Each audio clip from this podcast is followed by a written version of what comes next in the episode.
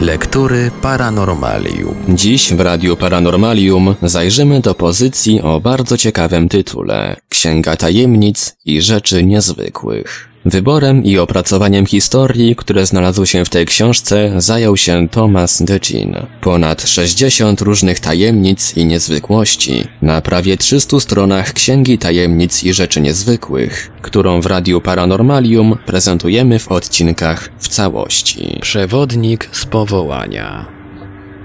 Jeden z najsławniejszych ratowników, zapisany w kronikach morskich, ma na swoim koncie tysiące ocalonych ludzi i uratowane od zatonięcia dobra wartości milionów dolarów. Nie umiał czytać ani pisać i pracował za darmo, bo nigdy nie słyszał o pieniądzach. Chyba najstosowniejszym dla niego imieniem jest Jack Spellrus, inaczej darmowy przewodnik. Spróbuj postawić się w jego sytuacji. Jeśli byłbyś doskonałym nawigatorem, czy przeprowadzałbyś statki przez niebezpieczne wody przez 40 lat bez żadnej zapłaty? Jack to robił. Jeśli byłbyś jednym z najlepszych pływaków na świecie, czy wróciłbyś do pracy, jeśli twoją jedyną nagrodą był strzał w plecy? Jack to zrobił. Jack Sparrows był i nawigatorem, i pływakiem. Pracował wiernie w wybranym przez siebie zawodzie i przeprowadzał statki przez niebezpieczne wody przez 40 lat przy dobrej i złej pogodzie i nie stracił ani jednego statku. Nikt nigdy nie proponował mu zapłaty, a on sam nigdy nie oczekiwał pieniędzy. Niezwykła postać, doprawdy, bardzo niezwykła. Jack Spellrus był morświnem. U wybrzeży Nowej Zelandii znajduje się archipelag D'Urville. Między wyspami można przepłynąć na skróty tak zwaną francuską cieśniną, która ciągnie się od Pelorus Sound do Satoki Tasmańskiej. Zdradliwe prądy i ostre podwodne skały czekają na bezradnych i nieostrożnych. Cieśnina miała złą sławę wśród marynarzy, dopóki nie zjawił się Jack. Od tego czasu droga stała się bezpieczna dzięki temu nadzwyczajnemu morświnowi.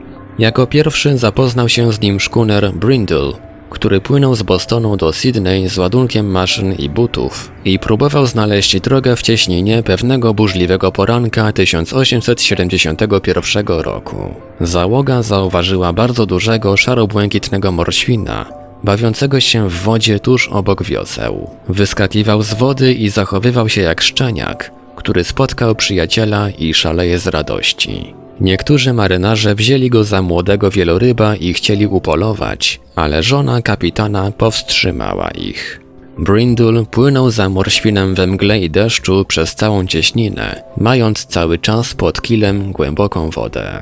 Według tego, co mówią kroniki, spotkanie Brindla z Jackiem było początkiem niewiarygodnej kariery morświna ponieważ trzymał się blisko Pelrus i czekał na statki, żeby przeprowadzić je przez cieśninę. Wkrótce nazwano go Jack Spelrus, a jego sława szybko rozeszła się po świecie, gdyż wdzięczni marynarze chwalili go za pomoc przy strasznej przeprawie. Przez 40 lat Jack wypływał na ich spotkanie i wyskakiwał na powitanie z wody.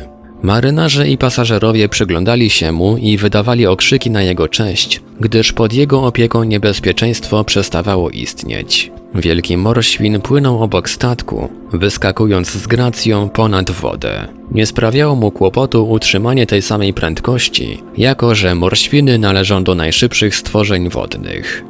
Jack ścigał się ze statkami godzinami, od czasu do czasu przepływał pod nimi, żeby ukazać się z drugiej strony niczym owczarek pilnujący stada. Ale gdy tylko zbliżano się do cieśniny francuskiej, Jack wysuwał się naprzód, przed dziób i pozostawał tam widoczny dla pilota, prowadząc statek przez kanał, aż niebezpieczne miejsce zostało z tyłu. W 1903 roku pijany pasażer ze statku Penguin strzelił do Jacka z pistoletu. Załoga chciała go zlinczować i trzeba było powstrzymać ją od tego siłą.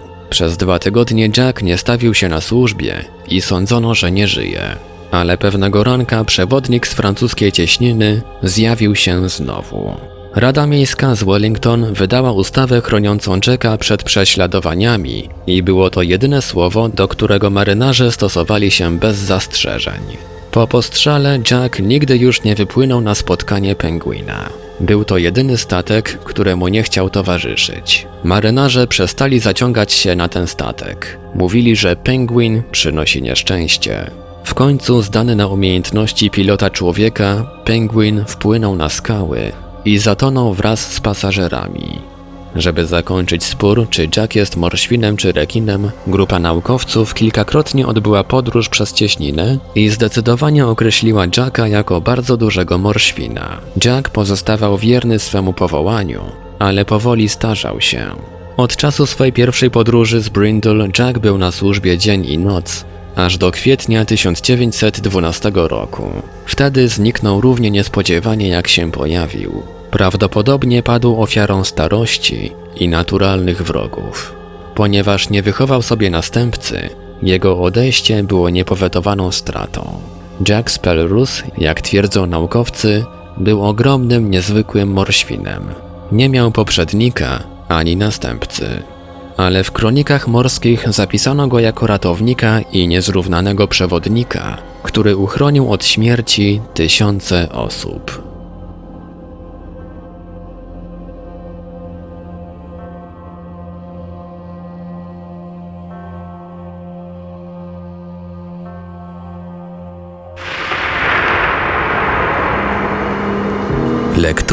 Paranormalium. Sny, które dokonały odkryć. Glastonbury Abbey, dawno zaginione opactwo, zostało odkopane tylko dzięki serii zdumiewających snów, tak samo jak antyczne miasto Mykeny na Krecie, które wyśniło się młodemu, bogatemu piekarzowi z San Francisco i przemieniło go w sławnego archeologa Heinricha Schliemana. Dobrze udokumentowany jest także przypadek słynnego konstruktora, wynalazcy silnika parowego Jamesa Watta. W czasach Watta proces wytwarzania śrutu do wiatrówek był niesłychanie żmudny. Trzeba było najpierw uformować z ołowiu drut, a następnie pociąć go na kawałki, albo najpierw pociąć blachę na małe kwadraciki, a następnie toczyć je pod ciężkimi płytami, aż powstaną z nich kulki. Proces ten nie był ani najprostszy, ani tani. Pewnej nocy James Watt miał dziwny sen. Według jego opowieści sen ów nawiedzał go noc w noc przez jakiś tydzień. Widział on siebie spacerującego podczas silnej burzy, w czasie której uderzające o ziemię krople deszczu zamieniały się w malutkie ołowiane kulki, skaczące mu pod nogami. Czy miało to jakieś znaczenie? Czy było to w jakiś sposób ważne? A może ten sen oznacza, że roztopiony ołów, wpadając do wody, będzie się formował w małe kuleczki? Nie mogąc się oprzeć chęci sprawdzenia, Watt stopił trochę ołowiu w kościelnej wieży, a następnie wylał garnek z ołowiem i obserwował jak ołów rozpryskuje się w powietrzu i wpada do fosy z wodą daleko w dole. Gdy przeszukał fosę, znalazł w niej ołów uformowany w okrągłe ziarenka, idealne do ładowania wiatrówek. Na skutek owego spowodowanego przez sen eksperymentu, wszystkie inne metody wytwarzania śrutu zostały zarzucone i kulki ołowiane zaczęto powszechnie produkować, wylewając roztopiony ołów na wodę. Innym bardzo niezwykłym przypadkiem, kiedy to we śnie ukazało się rozwiązanie zagadki naukowej, jest historia odczytania babilońskich tablic ze świątyni Bel. Dr Hermann Hilprecht Sławny badacz Asyrii z Uniwersytetu Pensylwania pisał książkę zatytułowaną Stare inskrypcje babilońskie. Do ukończenia pracy pozostało mu jeszcze przetłumaczenie inskrypcji z dwóch agatowych kawałków, będących niegdyś, jak sądzono, pierścieniami pochodzącymi ze świątyni Bel w Nippur. Agaty były połamane i niekompletne, przez co próba odczytania widniejących na nich napisów była właściwie skazana na niepowodzenie. Było już późno i dr Hilprecht, aby choć na chwilkę odpocząć, odłożył zagadkowe agaty i położył się spać. Jednakże archeolog obiecał wydawcy, że książka będzie gotowa następnego dnia. Pani Hilprecht poszła spać, a jej małżonek ponownie zabrał się do odszyfrowywania fragmentarycznych napisów pod szkłem powiększającym. Ale za chwilę on także usnął. I wtedy jakby czas się cofnął. Doktor Hilprecht zobaczył wysokiego, chudego kapłana starożytnego Babilonu, który stał przed nim uśmiechając się. Kapłan zdawał się być w średnim wieku, a silny wiatr pustynny rozwiewał jego białe szaty. Delikatnym, cichym głosem powiedział po angielsku: Chodź za mną, pomogę ci. Doktor Hilprecht wstał, aby podążyć za swym dziwnym gościem. Wówczas zauważył, że nie uniósł się ze swego fotela, lecz z kamiennych stopni, na których zdawał się wcześniej siedzieć. Archeolog szedł za kapłanem przez gorące i zakurzone ulice, mijając od czasu do czasu duże budynki. Każdy wydawał się opuszczony. Wreszcie dotarli do jakiejś masywnej budowli i weszli do ogromnego, słabo oświetlonego pokoju. Gdzie jestem? spytał doktor Hilprecht. W Nippur, pomiędzy Tygrysem a Eufratem, w świątyni Bel, ojca bogów, odpowiedział dziwny gość. Archeolog rozejrzał się dookoła. Spoglądał na drobiazgi i przypatrywał się szczegółom. Dostrzegł wystarczająco dużo podobieństw do rekonstrukcji, jaką wykonali współcześni doktorowi naukowcy, by móc uznać, że dziwny kapłan mówi prawdę. Czy możesz mi powiedzieć, gdzie znajduje się komnata zagubionego skarbu świątyni? Kapłan uśmiechnął się i kazał Hilprechtowi, aby szedł za nim.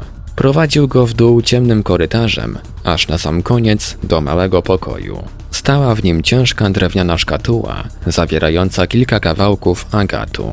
Wówczas kapłan odwrócił się do Hilprechta i powiedział: Dwa kawałki agatu, które ty uznałeś za oddzielne, naprawdę tworzą całość. Są częścią pokrytego inskrypcją agatowego cylindra wotywnego, podarowanego świątyni przez króla Kurgalzu. Kiedy rozkazano kapłanom, aby zrobili parę kolczyków dla posagu boga Ninip, okazało się, że nie mieliśmy żadnego agatu oprócz cylindra. W tym właśnie pokoju, w którym teraz jesteśmy, rozcięto walec na trzy części, tym samym dzieląc napis.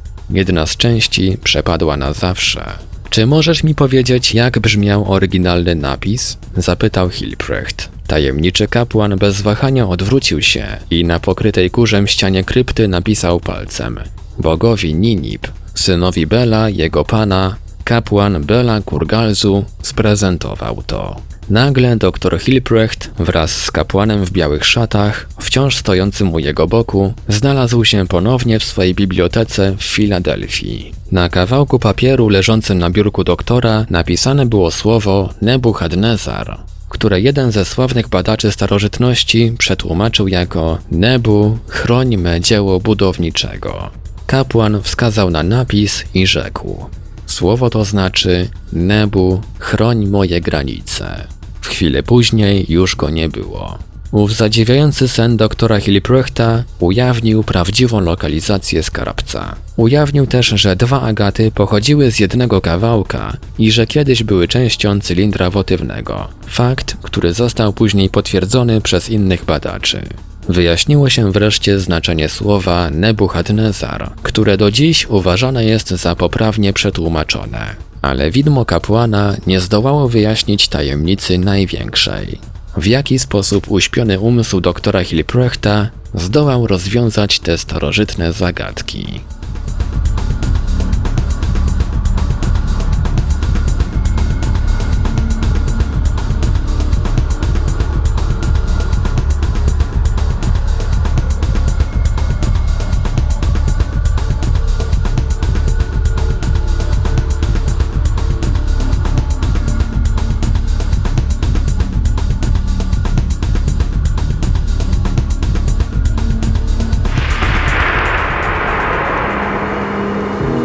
Lektury Paranormalium. Sen, który wskazał mordercę. Mabel Schneider siedziała na poręczy sofy, wyglądając przez okno swego skromnego domu w Montmoris w stanie Michigan. Mogła stamtąd obserwować wijącą się autostradę i skrzącą się teraz mocno ubitym śniegiem. Była godzina 11.20. Czas, aby jej pięcioletnia jasnowłosa córka Dorothy wróciła z przedszkola. Z jakiegoś powodu pani Schneider była spięta i zdenerwowana. Jej serce biło nierytmicznie, gdy obserwowała jak samochód Dodge, stary model, zwalnia tuż za wierzchołkiem wzgórza. Kierowca samochodu, niebieskiego jak jaja drozda, wydawał się mieć trudności z ponownym nabraniem prędkości. Później samochód, rozpędzając się powoli, skręcił w drogę prowadzącą do Stanley. Za kilka sekund zniknął z pola widzenia. Kiedy po wpół do dwunastej Dorothy ciągle jeszcze nie było, pani Schneider wyszła jej naprzeciw. Na stacji benzynowej zapytała, czy nie widziano dziewczynki. Okazało się, że jakiś czas temu Dorothy mijała stację benzynową w drodze do domu. Nie było jednakże żadnego dalszego śladu dziecka. Przerażona matka skontaktowała się z dyrektorem przedszkola, a on zawiadomił zastępcę szeryfa, który zorganizował grupę poszukiwawczą. Szukano śladów niebieskiego samochodu widzianego przez panią Schneider. Ludzie przepatrywali każdą boczną drogę, wypatrując śladów opon. Niecałe 5 kilometrów na zachód od Mount Morris, w odległości około 800 metrów na północ od drogi prowadzącej do Stanley, na przedmieściach Flint, natrafiono na teren, gdzie samochód ugrzązł w błocie. Miejscowy farmer Archie Bacon potwierdził, że ugrzązł tu jakiś niebieski samochód. Ślady prowadziły do płotu po przeciwnej stronie, gdzie widoczne były także odciski dziecinnych kaloszy. Po otoczeniu 20-akrowego pola grupa poszukiwawcza odkryła tropy w miejscu, gdzie wiele śladów męskich stóp prowadziło do skrawka zalesionego terenu, przez który przepływał dopływ rzeki Benson. W pobliżu tych śladów znaleziono dziecinną czapeczkę, płaszczyk i sweterek. Zapłakana pani Schneider zidentyfikowała je jako rzeczy należące do jej dziecka. Nowa i liczniejsza grupa poszukiwawcza została zorganizowana przez szeryfa Franka Greena. Ludzie pospieszyli z powrotem nad dopływ rzeki Benson i przeczesali zalesiony teren. Przy wiązie nad samym brzegiem rzeki znaleźli oni część ciała małej dziewczynki, później dwie następne. Zrozpaczeni ludzie z grupy poszukiwawczej znaleźli jeszcze opakowanie gumy do rzucia, korek od butelki i zmiętą chusteczkę do nosa na zmarzniętej ziemi. Szeryf Green wysnuł przypuszczenie, że prawdopodobnie użyto chloroformu, aby uśpić Dorothy. Nie udało się znaleźć narzędzia zbrodni i przypuszczano, że zostało ono wrzucone do rzeki, wezbranej teraz w wyniku odwilży. Green przesłuchał farmera Archego Bacona, który okazał się inteligentnym, spostrzegawczym i chętnym do współpracy świadkiem. Koło południa zauważył on niebieski samochód, który skręcił na północ na skrzyżowaniu z drogą wiodącą do Stanley. Widział jak kierowca wysiadł i podszedł do ogrodzenia. Wyglądał jakby niósł na rękach jakiś tobuł. Trzy godziny później widział tego samego mężczyznę, gdy bez powodzenia próbował wyciągnąć swój samochód z zamarzniętego błota. Mężczyzna ten pojawił się później w domu Bacona, aby prosić go o pomoc. Archie Bacon opisał samochód jako stary model czterodrzwiowego Dodge'a typu sedan w kolorze niebieskim jak jajka drozda. Był tak mocno opryskany błotem, że nie mógł odczytać numerów na tablicy rejestracyjnej. Mężczyzna zaś, powiedział oficerom, miał przegarbione ramiona i ubrany był w szary płaszcz z tłustą plamą i w szarą futrzaną czapkę. Miał około 50 lat i 1,70 m wzrostu. Jeden z podejrzanych odpowiadał opisowi poszukiwanego mężczyzny, włącznie z tłustą plamą na szarym płaszczu, a jego samochód był starym niebieskim Dodgem. Na jego szczęście Archie Bacon był niezachwiany w swoim przekonaniu, iż rozpozna człowieka z tobołem, gdy tylko go zobaczy i nie będzie pomyłki. Dzięki dobrej pamięci farmera i jego poczuciu odpowiedzialności, niewinnego w istocie właściciela niebieskiego Dodge'a nie aresztowano. Sporządzono listę wszystkich samochodów odpowiadających opisowi Dodge'a zarejestrowanych w hrabstwie Genesee. Wojsko włączyło do akcji trzy pościgowe samoloty myśliwskie, które wykonywały loty w poszukiwaniu porzuconych samochodów. W ciągu czterech dni aresztowano i zwolniono około 60 podejrzanych. Aresztowano także podejrzanych osobników, których zauważono w domu pogrzebowym, gdzie znajdowało się okaleczone ciało Dorothy. Wszyscy oni zostali jednak zwolnieni. W Owosow, około 50 km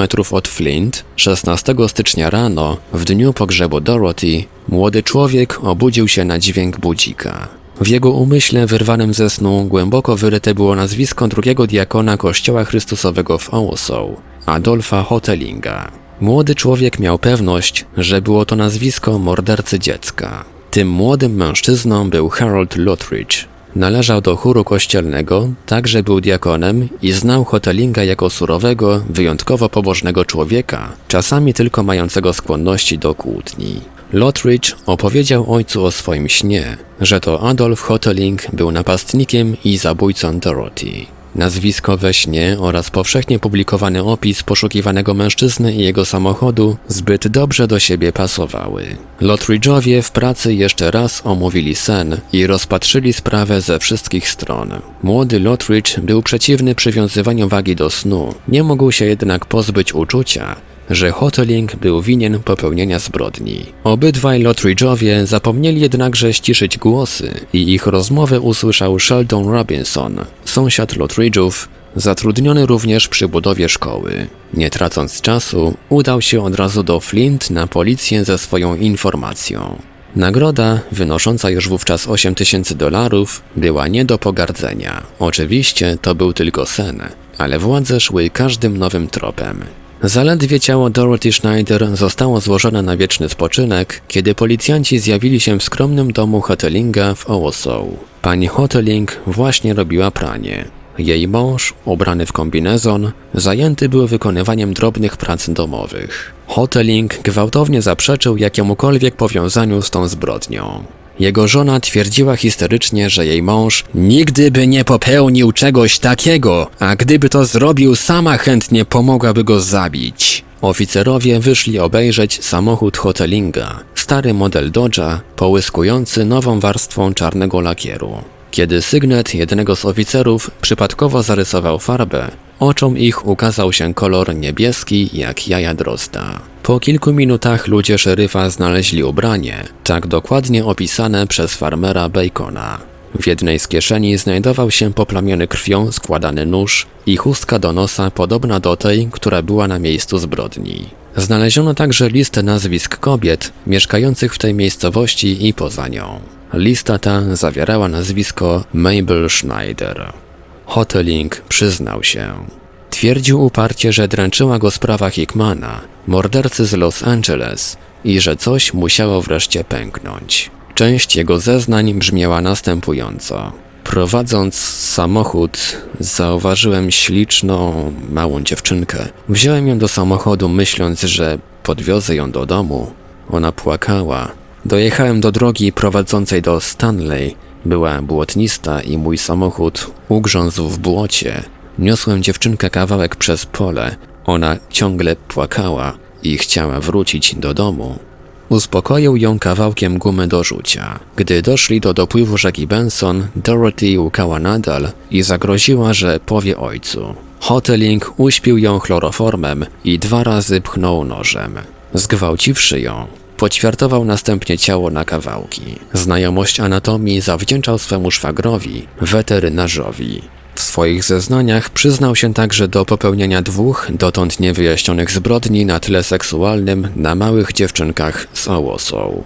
Jedną z ofiar uśpił chloroformem. Sędzia okręgowy hrabstwa wykluczył możliwość zmiany miejsca rozprawy i z zakładu poprawczego w Ionia Hoteling został przewieziony do Flint. W towarzystwie swego adwokata stanął przed sądem, aby przyznać się do winy i usłyszeć wydany wyrok. Pani Hoteling była nieobecna ze względu na ciężkie załamanie nerwowe. Ojciec zamordowanej dziewczynki czekał spokojnie, a kiedy mijał go więzień w kajdankach, wymierzył mu silny cios w twarz. Satysfakcja, na którą czekał od pierwszego dnia tego koszmaru. Adolf Hoteling został skazany na dożywotnie więzienie, co zgodnie z prawem stanu Michigan było najwyższym możliwym wymiarem kary. Natychmiast po procesie przewieziono go samochodem do więzienia Marquette, gdzie przebywał do końca swoich dni. Więzień numer 1938 zamknął sprawę, umierając w 1955 roku. Sprawa została zamknięta, ale tylko dla sądu i policji. Niewyjaśniony pozostał bowiem niezwykły sen, w którym ukazała się postać mordercy.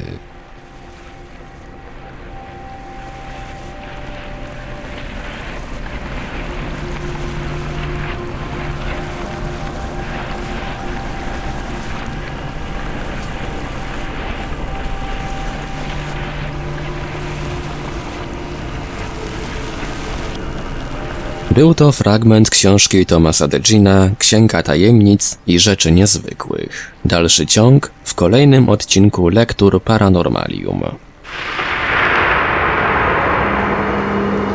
Lektury Paranormalium.